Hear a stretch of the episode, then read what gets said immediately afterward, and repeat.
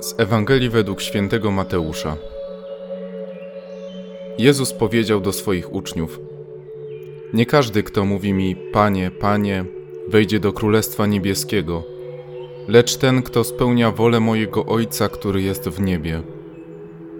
Każdego więc, kto tych słów moich słucha i wypełnia je, można porównać z człowiekiem roztropnym, który dom swój zbudował na skale Spadł deszcz, wezbrały rzeki, zerwały się wichry i uderzyły w ten dom.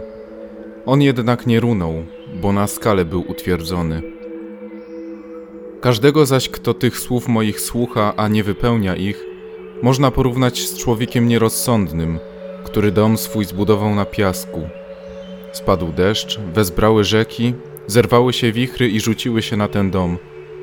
I runął, a upadek jego był wielki.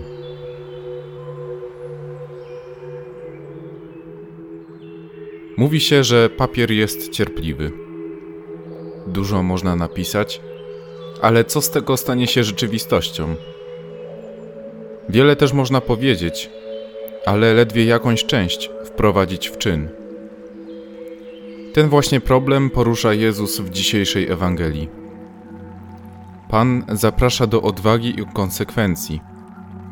Pokazuje, że chrześcijaństwo to krok dalej – nie jest ono wyłącznie jedną incydentalną decyzją.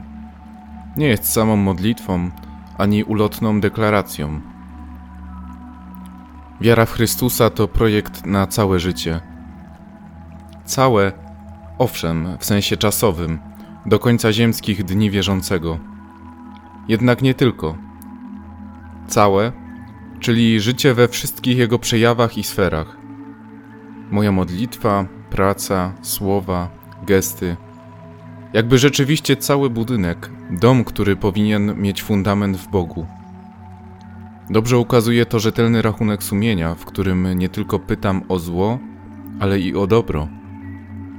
Co buduję na skalę, na Ewangelii, przykazaniach, szczególnie na kazie miłości Boga i bliźniego, to staje się dla mnie błogosławieństwem. Co stawiam na piasku, moich emocjach, uprzedzeniach, czysto własnym mniemaniu, to wszystko niejednokrotnie zamienia się w grzech, klęskę, niepowodzenie. Gdzie zatem nie zaprosiłem jeszcze Chrystusa? Jakie pęknięcia pojawiły się już na domu mojego życia? Jak naprawić to w Bogu? Zrób krok dalej i poszukaj odpowiedzi.